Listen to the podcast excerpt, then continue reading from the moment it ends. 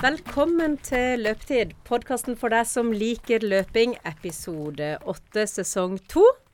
Ja, velkommen. Og i dag prøver vi på noe helt nytt, som vanlig. Ja, dette var moro. Dette er som å være i radiostudio, for nå er vi inne på Tangen videregående skole med ordentlig lydutstyr. Ja. Tidligere som vi spilte inn på egentlig en sånn eh, Jeg vet ikke hva den kalles engang, men Det er en sånn Zoom-opptaker, bare. ja. Som, Der vi egentlig stått veldig tett på hverandre og spilt inn og vært veldig hyggelig.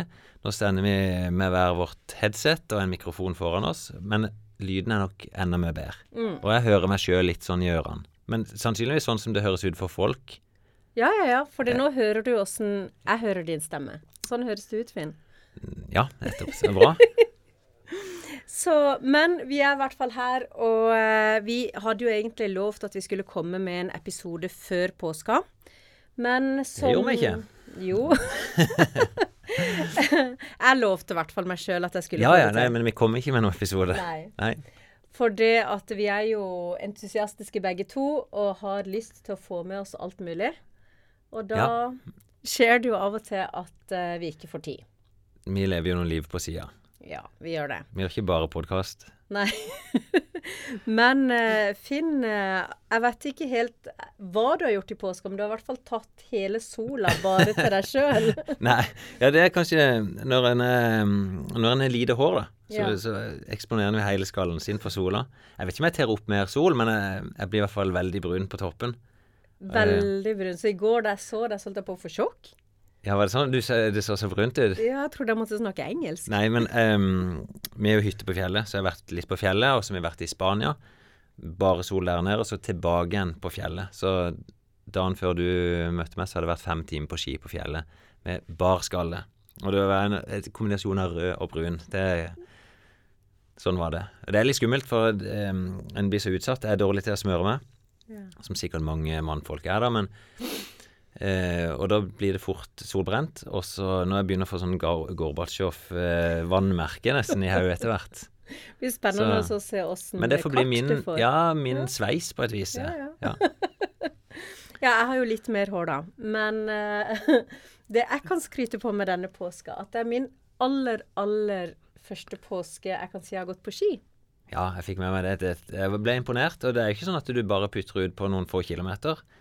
Du hadde vært ute, var det 17 kilometer og gått eh, tre turer. Ja, så eh, 17 km hver gang. For jeg er jo litt sånn eh, ja, snever i tankemåten. Så når jeg lærer én løype, så er det den. Ja. Hver gang.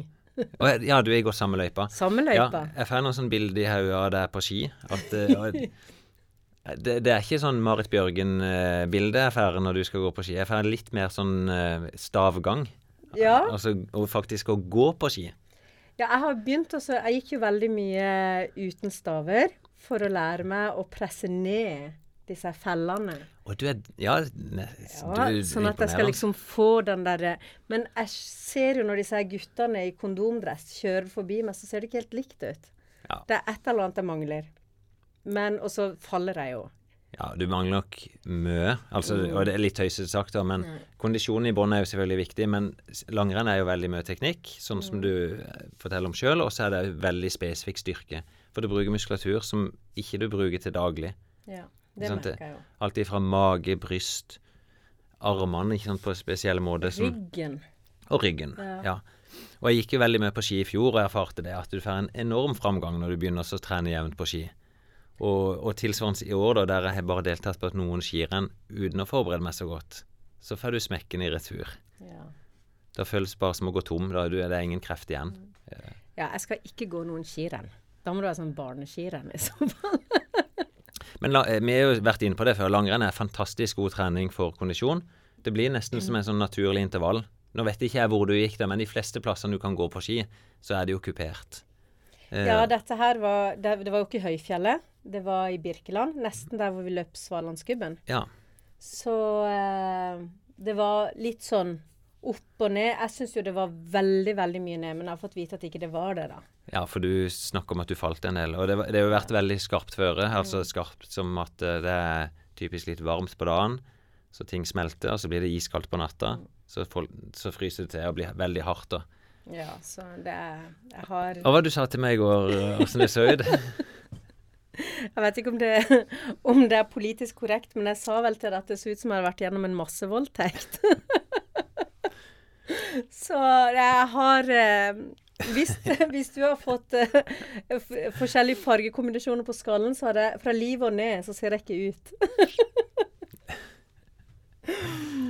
og det er fordi du er falt på ski? ja, selvfølgelig. Ja, så det er en fare med alt. Men du Finn, vi skal jo egentlig snakke om løping. Det er jo derfor vi er her. Ja. Og eh, jeg har jo eh, begynt å løpe på mølle. Jeg løpte mye på mølle. Og i går så var du litt oppgitt over meg. Over at eh, jeg igjen hadde liksom sånn at jeg løp med metronom. Uh, gjorde det du, ikke skulle gjøre. Vi snakka i forrige episode om dette med smilepuls, og du mm. fikk et veldig godt råd, syns jeg, da. At eh, nå må du legge vekk både metronomen, pulsmåleren, men bare ut og løpe. Og, og kjenne på gleden med å springe, og ikke piske deg sjøl med noe. Og det du forteller meg etter påska, at det du har gjort, er å gått på mølla og løpt med metronomen rett inn i skallen. Ja, tre ganger i uka. Ja. 40 minutter. Ja, og jeg, jeg er ikke noe Altså, det funker jo litt over tid, men jeg tror du blir veldig lei av løping hvis det er det som er løping. Mm. For meg så jeg, jeg, kan kjenne på det samme på, på høsten, da, og når vinteren begynner å komme, at det kan være deilig å gå inn på mølla og slippe dritværet. Men nå som sola er på vei tilbake, så må du ut og oppleve løping sånn som det er meint. Mm. Ut i det fri. Så hva er det jeg skal gjøre i dag? Ja, jeg utfordrer Nå er det Sola er på vei. Eh, det har jo vært dårlig. Det var sludd og, og tåke nå i går. Fortsatt regn i dag morges. Men nå er sola på vei opp. Og du skal være med på terrengkarusellen. Ja! Det, dette tror jeg fins ganske mange plasser i Norge. Da. Det, det er litt lavterskeltilbud. Hver torsdag her i Kristiansand så har de terrengkarusell med løype på 3-5 km er normalen. Eh, veldig variasjoner på terrenget det er i. I dag er det veldig lett løype fordi det er snø i terrenget. Så da er løypa ganske flat. Eh, og da sa jeg kan ikke du prøve det? Og du ble litt stressa, for du hadde ikke lyst til å springe med noe startnummer og, og i flokk. Eh, men her er det sånn at fra klokka ett til halv seks så er løypa åpen, og du bare registrerer at du er kommet i mål. Ikke noe tidtaking eller sånt, så du gjør det når du vil, til hvilken tid du vil. Det, og jeg skal ta opptak, så eh, lytterne kan jo høre om eh, Det har jo ikke skjedd ennå, men eh, når dette opptaket kommer ut, så kan de høre oss så det, det, Ja, men det er klart det skjedde. For når vi snakka om det i går, så gjør det at du tar med deg mm. treningstøyet på jobben i dag og så vet du at du skal ned der. Ja. Så det kommer til å skje. Ja, ja, ja, absolutt. Og du kommer til å kose deg, det er jeg sikker på. Det, det, det blir din viktigste oppgave i dag. Det er ikke å springe fort, men det er å ha det litt fint mens du springer gjennom dette løpet. Ja. Og så skal vi gradvis hente tilbake den der gnisten. Sånn, da var første løpetur ute i gang. 2018. Finn hadde rett, sola skinner. Veldig deilig. Litt mye vind. Oi, det er litt mindre vind. Jeg løper fortsatt. Jeg har løpt i Ja, jeg er ikke halvveis ennå, men begynner så smått å bli varm i kroppen. Venter en liten bakke. Finn sa jeg skulle gå oppover bakken, så jeg får se veier. Den er ikke så veldig lang. Men det er deilig. Fortsatt deilig. Smiler. Okay, nå er det opp bakken. Jeg jogger veldig, veldig rolig. Men jeg vil ikke gå heller. Jeg begynner å få varmen i kroppen. Og det er så tungt å begynne på'n igjen. Så bare veldig rolig. Så skal det nok gå fint. Hola! Oi, oi, oi. Nå ser jeg mål. Like der framme. Dette har fortsatt smilepuls. Litt masete vind. Dette har gått veldig, veldig fint. Oi, oi, oi.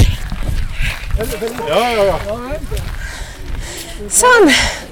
Klarte å løpe feil i mål. Så jeg måtte løpe en liten ekstra sløyfe. Men det gikk fint.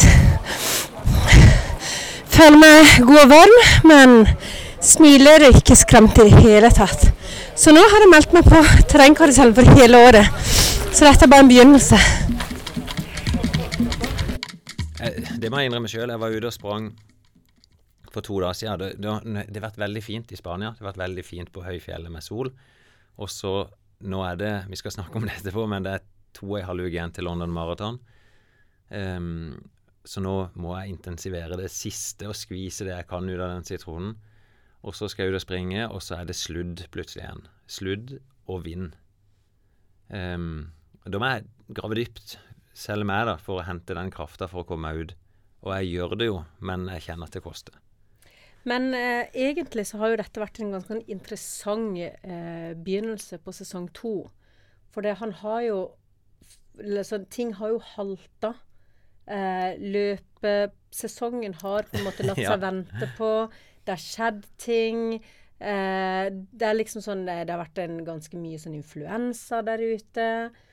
Og så om to uker til så står du på start i London, skal løpe maraton. Du hadde en fantastisk avslutning på ja da, fjoråret. Ja.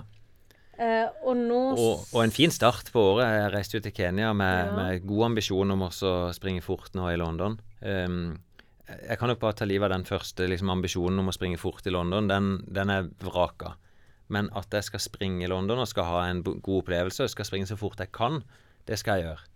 Uh, men uh, ja, det har vært en litt sånn tøff situasjon på hjemmebane som har gjort at ting ikke har fungert så godt med trening der. Uh, Jobba veldig mye. Og så Jeg skal ikke skylde på underlag og snø, det, for det vet jeg, det handler bare om motivasjon. Men jeg sto i hvert fall nå på søndag, det var det 1. april, og ser at ok, nå er det tre uker igjen. Og det er liksom En kan jo velge i utgang og si ok, dette blir ikke så bra som jeg trodde, jeg bare dropper det. Men jeg funker ikke sånn. Jeg kan ikke, jeg kan ikke droppe en London-tur når jeg vet jeg kommer til å springe fort på maraton uansett. Så nå er det Kall det nødtrening, da. Jeg, jeg, har jo holdt ting ved like. Sånn, I forhold til vanlige folk så trener jeg jo jevnt bra. Sånn snittet siste måned kanskje vært at jeg trener litt så jeg stort sett hver dag, men aldri to økter. Aldri noen ekstreme økter, aldri spisse økter mot maraton. Og nå må jeg hente igjen noe av det, da. Må, ja. Jeg må klare to-tre lange økter, så jeg begynte med det. Jeg sprang en eh, nesten tre mil, 2,9 mil, i sånn fart til tre timer på maraton. Eh, og måtte jeg kjenne at det, det, vet jeg ikke om jeg hadde klart, tre timer på maraton akkurat nå. Mm. Men så vet jeg jo effekten av trening, og effekten av trening de neste ukene vil løfte meg voldsomt. Men så i går, så. etter at vi snakket sammen, så tenkte jeg på en ting. Kan ja. kroppen din ha hatt noen fordeler også? av at ikke du har kjørt så hardt i forhold til skadeforebygging? Du har jo ikke noen ja, vondter nå? Jeg, har ingen vondter nå, så det kan være en fordel. Og når først jeg begynner nå, så er det lettere å hente motivasjon. Mm. Jeg vet at jeg har noe å ta igjen, og jeg vet, nå jobber jeg litt med kosthold. At jeg, jeg er tre uker nå som jeg, jeg, dropper godteri. Eh, og det er ikke noe som jeg, jeg liker ikke å gjøre det, men nå må jeg være litt hardere med meg sjøl, og så prøver jeg å spise liksom normale måltider med frokost, lunsj, middag, kvelds. Spiser meg ikke stappmett, og så vet jeg at å sige vekta litt ned eh, Treninger Jeg prøver å ha to mil om dagen, så enten gjennom at jeg springer to økter, eller ei litt lengre. Og det krever at jeg må opp tidligere om morgenen og bare komme meg ut, og det har jeg gjort. Og så er det å få lagt inn disse litt tøffe maratonøktene, og det er jo litt begrensa hva jeg kan gjøre når det er så kort tid igjen, da. Mm. Så jeg planlegger å i hvert fall ha en lang, tøff løpetur en, ja, på lørdag. Og så kan jeg nok gjøre det neste uke òg. Og så blir det så bra som jeg kan. I dag så ville jeg tenkt under tre timer, men jeg tenker i hvert fall sånn Jeg må klare å springe fortere enn fire minutter på kilometeren på et maraton. Det er på et vis mye sånn grense for at ja, men da kan jeg være OK fornøyd, da. Mm. Så, men jeg har ikke trent så lite før et maraton før, og nå får vi bare se. Ja. Men jeg skal i hvert fall dra dere med gjennom der. Og, og, da kan jeg bruke litt mer tid på å dokumentere den opplevelsen i London. For jeg, det må jeg si, jeg gleder meg veldig til å reise ned og oppleve London Marathon. Mm. Ja, for det har du aldri gjort før? Nei, jeg er ikke det. Og det var jo grunnen til jeg meldte meg på òg. Og så vet jeg at er ei lett løype, da. Det er fortsatt 4,2 mil som skal løpes. Så ja. ja. Og det reiser jeg egentlig alene. Eller jeg reiser sammen med en sånn maratontur fra Rogaland. Ja. Så jeg vet ikke hvem jeg reiser med, men jeg treffer jo hyggelige folk der. som er, Mange av de deler vel samme ambisjon som meg. Ja, Så du har ikke han eh, romkameraten fra Berlin? Han følger deg ikke denne gangen? Eh, nå må jeg bare tenke det er Erik? Ja. Nei, Erik skal springe maraton nå i Rotterdam nå på søndag. Oi. Så han, han er trent godt. Så det, sånn sett kan vi si lykke til Erik. Da får du hente ut det du kan. Målet hans er å være 2,35 og, Mm. og krysse den grensa der. Og han er ligget godt an. Men som alle andre, da, så, så har han òg møtt på problemer på veien. Så jeg tenkte vi skal bli nærmere kjent med Erik Ja. i en senere podkast. Eh, For ei tid tilbake, faktisk i det samme rommet som vi står nå, så Finn, tok du eh, en fyr i hånda Ja ja, som står ved siden av deg nå. det er ikke gjort siden. det, Og det er jo da Thomas som var her og snakka om eh, Ultra. mm, han du nettopp kalte Ultra-Thomas? Ultra-Thomas. På Løplabbet så var det et lite foredrag hvor eh, Ultra-Thomas fortalte litt om eh, hans start. Så vi kan jo begynne med å høre litt på det. Um, jeg ser på meg sjøl som en uh, ganske vanlig fyr. Ikke noe spesielt på noen som helst måte. Um, jeg har en samboer, og vi har barn, og jobber sikkert som de aller fleste andre. Har begrensa med tid til trening og alt mulig. Men eh, jeg liker å, å løpe langt og treffe mennesker og se eh, nye plasser. Helst ute i naturen. Så jeg måtte eh, finne litt ut av hvordan det starta sjøl, da.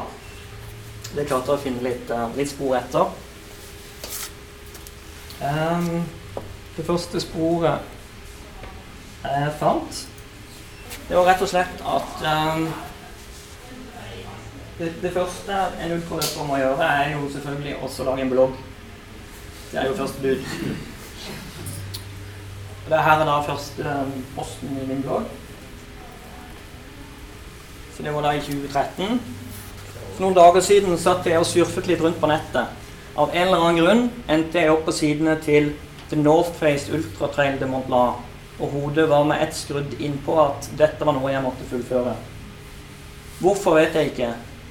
Den lengste distansen jeg har løpt til nå, er rundt 25 km. Gang det med seks og legg på noen tusen høydemeter, så er vi der. Dess mer jeg tenker på det, dess riktigere blir det. Så noen bedre forklaring enn det, det har jeg egentlig ikke. Der og da så syns jeg sikkert det var veldig riktig. De 25 km det er jo da gubben. Det var det lengste jeg hadde løpt. Jeg vil tro at um, jeg kom inn på ei side som, uh, som hadde en eller annen video som viste noen fjell og masse folk som løp og Jeg vet ikke hva det var som trigga. Men et eller annet var det i hvert fall som, uh, som, fant, ja, som, som sa til meg at dette løpet, det, det skal jeg fullføre. Løpet det er snakk om heter UTMB. Det er et løp som går rundt Mont Blanc. Fra Chamonix til Chamonix på 170 km og har 10 000 høydemeter. Det var det jeg hadde tenkt å gjøre. Den neste posten som jeg fant, det var denne. Det var faktisk ganske reflektert i eh, at jeg ikke bare kunne gjøre det med en gang. Så eh, det som står der er Hva kreves egentlig for å gjennomføre det jeg nå har satt meg i fore?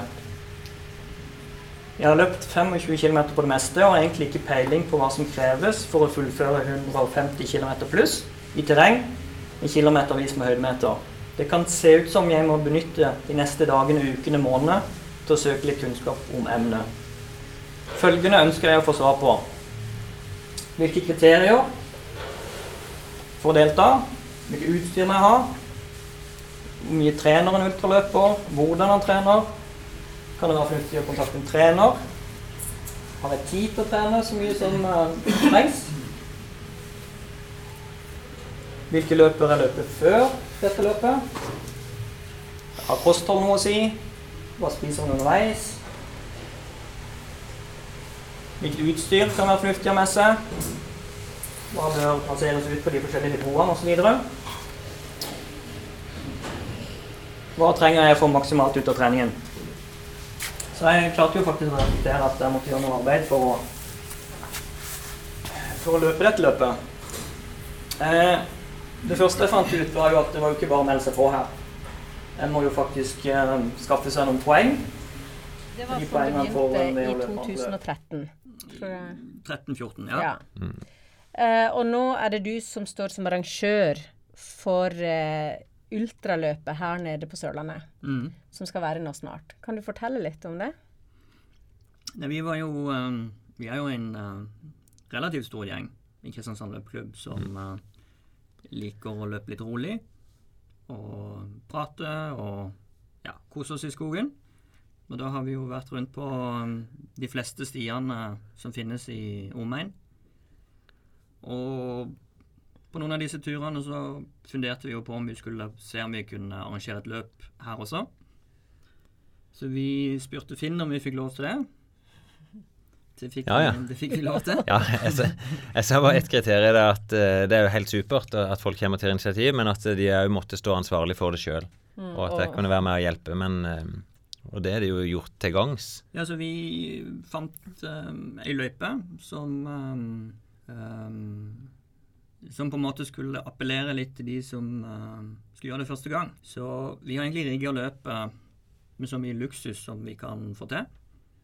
For at det allikevel skal bli tøft.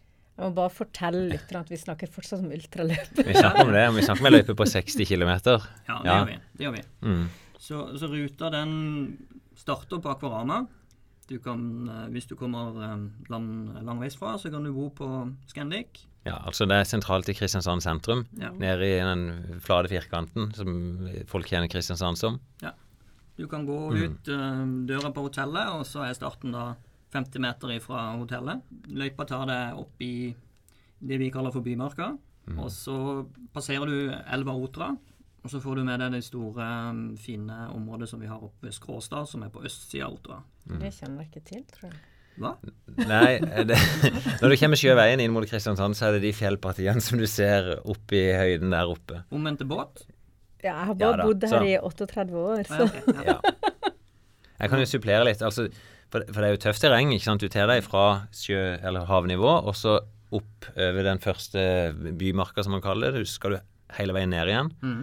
Og så er det vel nesten opp flere ganger på disse toppene. Så de, når han sier han har gjort det behagelig for det, så tror jeg han mener fra eller før start og etter mål. Alt imellom der, da, da får de prøvd seg. Ja, men allikevel så, så har vi ganske Til hvert ultraløp så har vi drikkestasjoner ofte. Og de har mye godt som du kan fylle Mm. på. Samtidig så har vi muligheten for at du kan sende ut en bag som du får tilgang til der ute. På en måte alt er lagt opp til at vi skal uh, gjøre det så behagelig som mulig til å hjelpe de.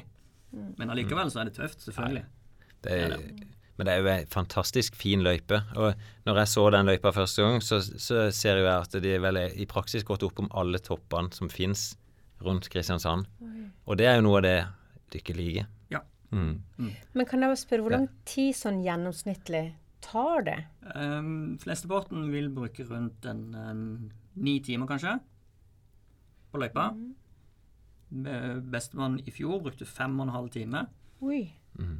Og sistemann brukte nærmere 13. Så du klarer det i løpet av liksom en dag? Det er meninga, ja. Ja. Det er vel sånn disse løpene er lagt opp, at du må ha passert visse punkt. Eh, for du kan ikke ha folk gående ut gjennom hele natta. Nei, så vi, Så det- vi, vi tillater folk å starte tidligere enn starten, hvis de tror de kommer til å bruke lang tid. Og vi vil helst ha folk i mål da før det blir mørkt, som nå er da rundt klokka ni. Mm. Og det er jo sånn, Sikkerheten er jo godt ivaretatt òg. De bruker systemer her der de sporer alle deltakerne underveis og kan følge hver enkelt fra start til mål. Så, så det er jo trygt og det er godt, men det blir veldig tøft. Det, det vet jeg jo. og det ikke sant, Selv for meg som trener så er ikke det, dette er ikke noe jeg bare hiver meg på en sånn 60 km. Men jeg, jeg vet jo at jeg hadde kommet igjennom. Ja. Og det blir en annen modus enn det å, å springe for å prestere, for her springer du for å oppleve. Mm. Og òg kanskje mestre, da. Ja. Ja. Men jeg lurer på en ting, for det, det jeg hang meg opp i går, som du fortalte, og som også kom med på det klippet, det er at du skal samle poeng. Er dette et typisk sånn poenginnsamlingsløp? Vi gir poeng. Altså løpet er godkjent av det som, eh, som heter ITRA, og gir tre poeng for fullførelse. På en skala fra én til seks poeng. Hva er det du bruker disse ITRA-poengene til? De bruker du til å melde deg på spesielle løp som krever at du på en måte har noe erfaring Ja, å vise stemmer. til. Mm. Ja, Men du trenger ingen poeng for å melde deg på dette. absolutt ikke. Nei, Så det er men det, det er hvis du skal ut utenlands, eller på de tøffeste, hardeste løpene her i Norge òg, så kan det være at de krever at du må dokumentere en viss, et visst nivå. Riktig. Det er jo ikke bare dette lange løpet, og det er jo viktig å si at eh, jeg vil tippe da at de fleste som skal springe ultraløpet, altså 60 km, de vet dette i ganske god tid. Ja. Men så finnes det jo en kort versjon av dette òg. Ja. Du kan tatt og dratt oss gjennom den. Det er et løp som um, er rundt 21 km. Uh, som egentlig da bruker Sprinten. Ja, Ja. som, uh, som egentlig følger veldig store deler av eh, bymarka rundt traseen. Som sikkert mange kjenner til som bor i området. Mm. Burde kjenne til, i hvert fall. Eh, men du, det er jo likevel et tøff løype. Det er, Ja. jo, det er jo et ganske langt løp for de, for de aller fleste. Men, men ikke i nærheten av så hardt. For de tøffeste partiene i ultraløpet er vel på andre sida, oppe på det som du kalte Skråstadvarden og omvendte båt. Mm, Så, så den halvmaratonen da, som eh, i praksis er, Ja. den er jo gjennomførbar for de aller fleste. Og det er jo et løp som du fint hadde kommet gjennom hvis du ville stille opp og løpt det. Mm. Men jeg skal ikke ta noen i hånda på noe som helst det i dag. nei, du skal slippe det. Men, men det er vel sånn eh, Nå har ikke jeg vært inne og sjekka, Thomas, men jeg vil tippe at påmeldingen der er nærmest fram til start på disse, på, i hvert fall på kortløypa. Nei, det er på begge to, men ja. det er ikke så veldig mange som melder seg på 60 km i siste liten. Nei. Selv om det er noen, da. Det er det. Men også, ja, og det, jeg vil jo bare invitere folk til å delta. Men det eneste som jeg stusser litt på nå, og det er jo når jeg har vært ute og løpt i forgårs, da sprang jeg, og da var det snø og is på veien. Og når jeg da ser opp i bymarka, så er det jo fortsatt ganske bra med snø. Det er det. Um, La det seg gjennomføre i de forholdene her. Vi skal gjennomføre et løp uansett. Ja. Um, vi kommer til å ta en vurdering um, sannsynligvis på torsdag, åssen det ser ut. Om det ligger litt snø i traseen, så gjør jo det egentlig bare at det blir litt tøffere. Mm. Det er ikke så farlig. Men hvis det blir is og på en måte farlig å løpe, så vil vi prøve å finne traseer som er alternativer til det vi egentlig har planlagt. Ja, men da, da blir det ultraløp av 60 km uansett, men det kan bare bli justert litt i traseen. ja, ja, Ja. riktig. Men løper du dette mange ganger da, for å sjekke forholdene og passe på har du, Er dette liksom sånn din treningsløype? Før, hver, ehm, før vi arrangerer, så har vi alltid hatt en gjennomløping av hele traseen. Det har vi ikke gjort til nå i år.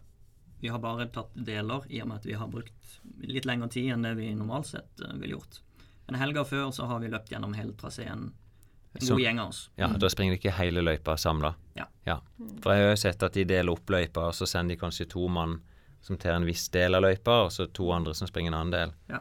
Og det er vel sånn du ikke merker opp løypa òg, er det ikke det? Jo. Ja. Det er jo en eh, relativt stort merkejobb å merke 60 km. Mm. Men jeg tenker hvis noen hører på dette og tenker ok, kanskje ikke jeg er klar for å begynne på ultra nå, men dette er noe som passer meg. Mm. Eh, hvor lang er sånn en, eh, disse hyggelige treningsturene dere snakker om? Det kan være alt fra 12-13 km og opp til, til 30. Så du kan begynne å løpe med dere. Absolutt. Vi, vi har ei, en gruppe på Facebook som vi på en måte annonserer når vi vil ut og ta en treningstur, og så kan de som har lyst, bare hive seg med. Det- Um, ja. Ja, jeg oppfatter jo òg det at eh, hvis det er en enkel plass å hive seg på, så er det jo med de ultragutta, for der er farta er ikke vesentlig. Der springer de og hygger seg. Mm. Så det er jo bare å søke de opp. Hva heter den gruppa på Facebook? Den heter vel KRS Løp Ultra, tror jeg. Ja. ja. Men eh, bare send en melding, så kan vi sikkert fikse det. Ja. Ja. Så bra. Mm. Jeg skal være med og hjelpe. Um, Mm. Da, har du plassert deg på en vannstasjon så du slipper å løpe? jeg har plassert meg med en bil med henger, Mm. så skal Thomas få bestemme hva jeg skal gjøre. Akkurat på dette løpet så er jeg bare hans medhjelper. Ja, ok. For vi har jo Så. jeg, jeg vet at ikke du har lyst til at jeg skal si det, men jeg glemmer jo ikke at du har tatt den i hånda. Nei, jeg vet at jeg skal løpe et ultraløp, så det ligger og gnager, det. Har du fått meldt deg på det, Finn? Jeg har ikke gjort det ennå. Og jeg har vel sagt at jeg skal få gjort det, og så sa du i nøden så skal du hjelpe meg med det. Mm. Og det kan du fortsatt hjelpe meg med? Ja, ja, jeg kan prøve. Ja. Skal, kan jeg få lov å overlate det ansvaret til han? Nei, jeg vet ikke om jeg vil, for vet du, Finn er 99 av tida er han i godt humør utenom når jeg nevner ultraløp. Nei, det, eh, jeg er fortsatt i godt humør, så det er ikke noe problem. Men hvis du klarer å få meg inn på løpet, så er det jo lettere for meg å bare si det er der det skjer. Ja. Nå må jeg over den der barrieren og faktisk klikke meg gjennom og, og tigge på mine knær om å få lov. Mm. Ja. Så Nei, det blir veldig gøy. Da kan jeg stå et uh, strategisk sted og dokumentere. Jeg På kan ikke løpe ved siden av. Ja. Nei, men det er bra. Jeg tror vi bare skal ønske deg lykke til med arrangementene. Eller, Sånn sett er jo forberedelsene inn, for det er vel det som er litt sånn tøft for dere nå. Akkurat den vurderinga med snø og se at ting vil gå greit. Ja. Åssen er, er påmeldinga OK? Eh, Påmeldinga er bra. Ja. Vi har eh, flere påmeldte i langløypa enn eh, i fjor. I kortløypa så ser nok folk og forholdene litt mer an før de melder seg på. Så der er vi ikke helt oppe i det antallet vi hadde forventa. Men uh, forholdene eh, har mye å si. Ja, og det er jo sånn her på Sørlandet, som sikkert de fleste løperne på kortløypa vil komme ifra. Der har det jo ikke vært mulig nesten å springe utendørs fram til nå. Nei. Så det tipper jeg at folk begynner å kikke opp nå. Det første terrengkaruselløpet er i dag. Mm. Tipper at den påmeldinga kommer til å gå dramatisk opp de siste dagene før løpet. Jeg vil jo Så- anbefale folk å melde seg på før, eh, før mandag, da. For da går eh, påmeldingsavgiften litt opp.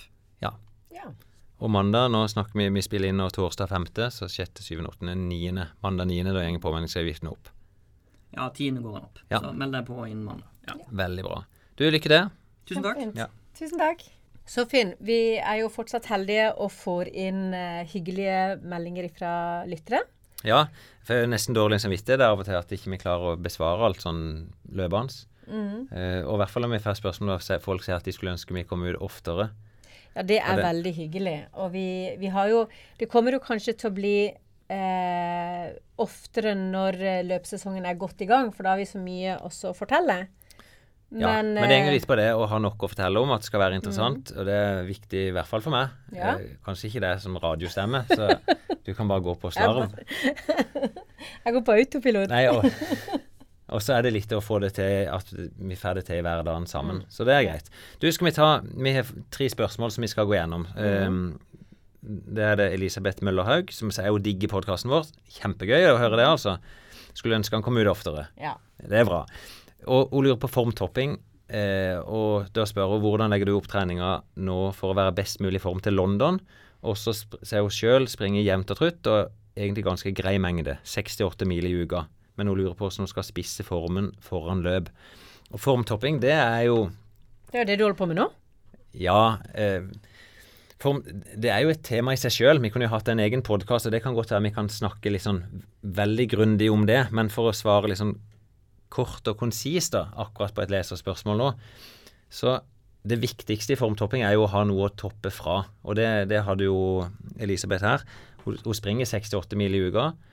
Og da, hvis du tenker enkelt, da, at det handler om å være spesifikk i forhold til det du skal konkurrere i. Sånn at når du skal konkurrere, hvis du gjør det litt enkelt, da, konkurrere på en fem kilometer, så når det nærmer seg da, de siste tre-fire ukene, så bør du begynne å springe en del i fem kilometer farta. Altså at du har, jeg ville sagt, én til to økter i uka som er veldig lik det du konkurrerer på. Ja. Og da kan du jo tenke når du skal springe maraton, så må du enten ha ikke sant? for det er jo en ekstrem varighet, eller noen økter som er i den maratonfarta. Og jo bedre du er, altså se på mitt nivå, da, som jeg vil si, det er ganske bra nivå, så er ofte utfordringa å springe fort lenge. Så da må jeg ha noen økter der jeg springer 20-30 km ganske fort. Ja. Og så kan du se på det neste nivået igjen. Altså når jeg møtte Sondre Nordstad Moen i Kenya, så er hans utfordring at for å vinne et maratonløp, så må du i, i tillegg til å være i stand til å springe fort lenge, så må du òg kanskje tåle rykk og fartsendring underveis. Så de må trene på det i tillegg. Men da kan du se for den, den vanlige mosjonisten som skal inn og springe et maratonløp, så handler det om å ha i hvert fall tre lange langturer, med lange som er mellom 20 og 30 km. Det prøver jeg å få til sjøl nå. Og så bør du ha tre turer på hvert fall 20 km i den farta du skal springe på maratonløpet. Og for de som er på, si, på et, et nivå fra fire timer saktere, så, så er ikke farta problemet, det er bare varigheten. Og da er det det eneste du trenger å tenke på. Det du sier med også at beina skal bli vant til det. Ja, Få, det er det. få kilometer i beina, pleier Ja. du å si.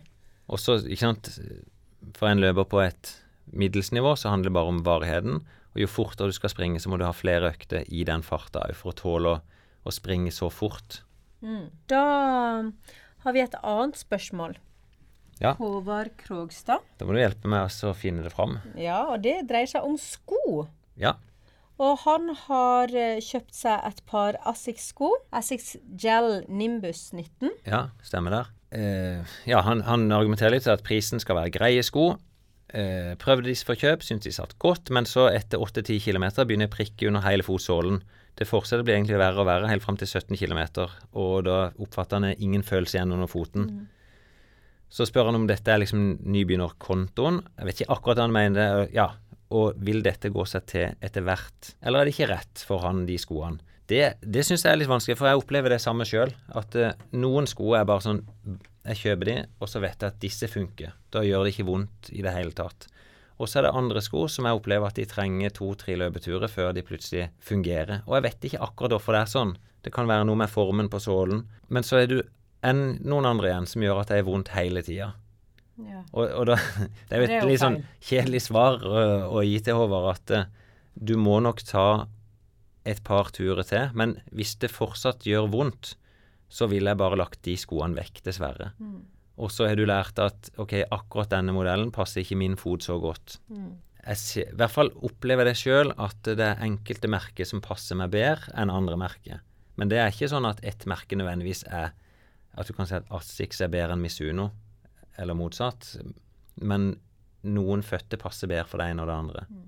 Og det kan være lurt å bare gjøre erfaringer på det etter hvert. Igjen, litt dårlig svar, men det er ting du bare må prøve deg fram til. Og jeg har lært meg hvilke skomodeller som funker veldig godt for meg. Så har vi fått enda en lytter som ønsker å være anonym. Ja, det skal han få være. Ja. Og det som han lurer litt på, og det er nok mange som tenker på for det om det kan være litt vanskelig å svare Han har løpt da tre til fire ganger i uka, eh, og lurer på når det er trygt å øke treningsmengden. Mm. Eh, han har hatt erfaring før med å pådra seg skader eh, fordi han har økt for fort. Ja. Eh, og hva sier du til det, Finn? Ja, og ja, det, det er ikke en sånn eh, quick fix på det svaret der. For det er noe som heter treningsalder, og hva har du gjort før, og sånt. Ehm, det jeg gjør med mine utøvere, i hvert fall, er at vi, vi kaller det periodisere litt. At uh, du, det er ikke nødvendigvis sånn at du enten så trener du tre til fire eller fem til seks, men at en fin måte å gjøre det på, det er at eh, når du begynner skal øke mengden, så tar du kanskje ei uke med fem økter, så går du ned igjen på tre eller fire. Og så tar du en ny uke med fem, så går du ned på fire. Og, og det tror jeg kan være en fin tilnærming til det, at uh, du går ikke opp et trinn, men du går opp om det og ned. Opp om, ned, og så grad, gradvis økning sånn. Det er i hvert fall det sikre måten å gjøre det på. Um, eh, og vi, vi driver jo og varierer litt. Det kan være ei uke som er veldig mye intervalltrening, og så neste uke er bare rolig trening. Og så kan det være noe hard trening og noe rolig trening. Og så intervalltrening og rolig trening. Det er ulike systemer som vi kan bruke. Ja, det, Det kan vi jo egentlig tatt og gått litt i dybden på på et eget program, og så snakke det om denne periodiseringa både gjennom vintertreninga og òg uke for uke. Og så er det òg periodisering innad i uka. For det er jo ikke sånn at det er lurt å legge alle har øktene etter hverandre, f.eks. Eller alle treningsøktene mandag, tirsdag, onsdag, og så fri resten av uka. Det er litt forskjell på det. Men hvis eh, den mister eller mistes anonym, ta i hvert fall utgangspunkt i at du, du begynner å legge på noen økter ei uke, og så gå tilbake igjen. Det er en sikker måte. Og så Ja. kan jeg si, for meg da, som har løpt veldig mye før, nå gjør jeg det jo sånn at jeg går fra kanskje fem-seks økter i uka til 12-14. Bare sånn. Og det er jo en kjemperisiko. Jeg vet nå at jeg kan bli skada, Ja. men den sjansen tar jeg. Og så har jeg, jeg har trent så mange år, og jeg tror kroppen er litt mer rusta for det da, til å ta den overgangen. ja. Og så kjenner jeg meg ganske godt, og jeg er jo flink til å ta tegnene, og jeg vet hvis det er enkelte vondte, så, så må jeg justere. Ja, du er flink til å ta tegnene, men det er ikke sikkert du gidder å følge dem. Nei, men det er jo en prioritering, og jeg vet jo konsekvensen av å ikke følge dem. og det kan være at jeg ikke får løpt i det hele tatt. Nei, men bra. Så det er jo et valg. Ja. Men uh, vi begynner å nærme oss slutten, og uh, jeg gleder meg veldig til neste episode. Så, for da skal vi gjøre noe ganske spennende. For det Mm. jeg prøver å kikke ned på manuset ditt. For det, vi har jo begge to jenter på 13-årsalderen. Ja. Som er I hvert fall så er mi. Hun er sånn der eh, danser mye og mye energi. Og så har hun lyst til å begynne å løpe. Ja.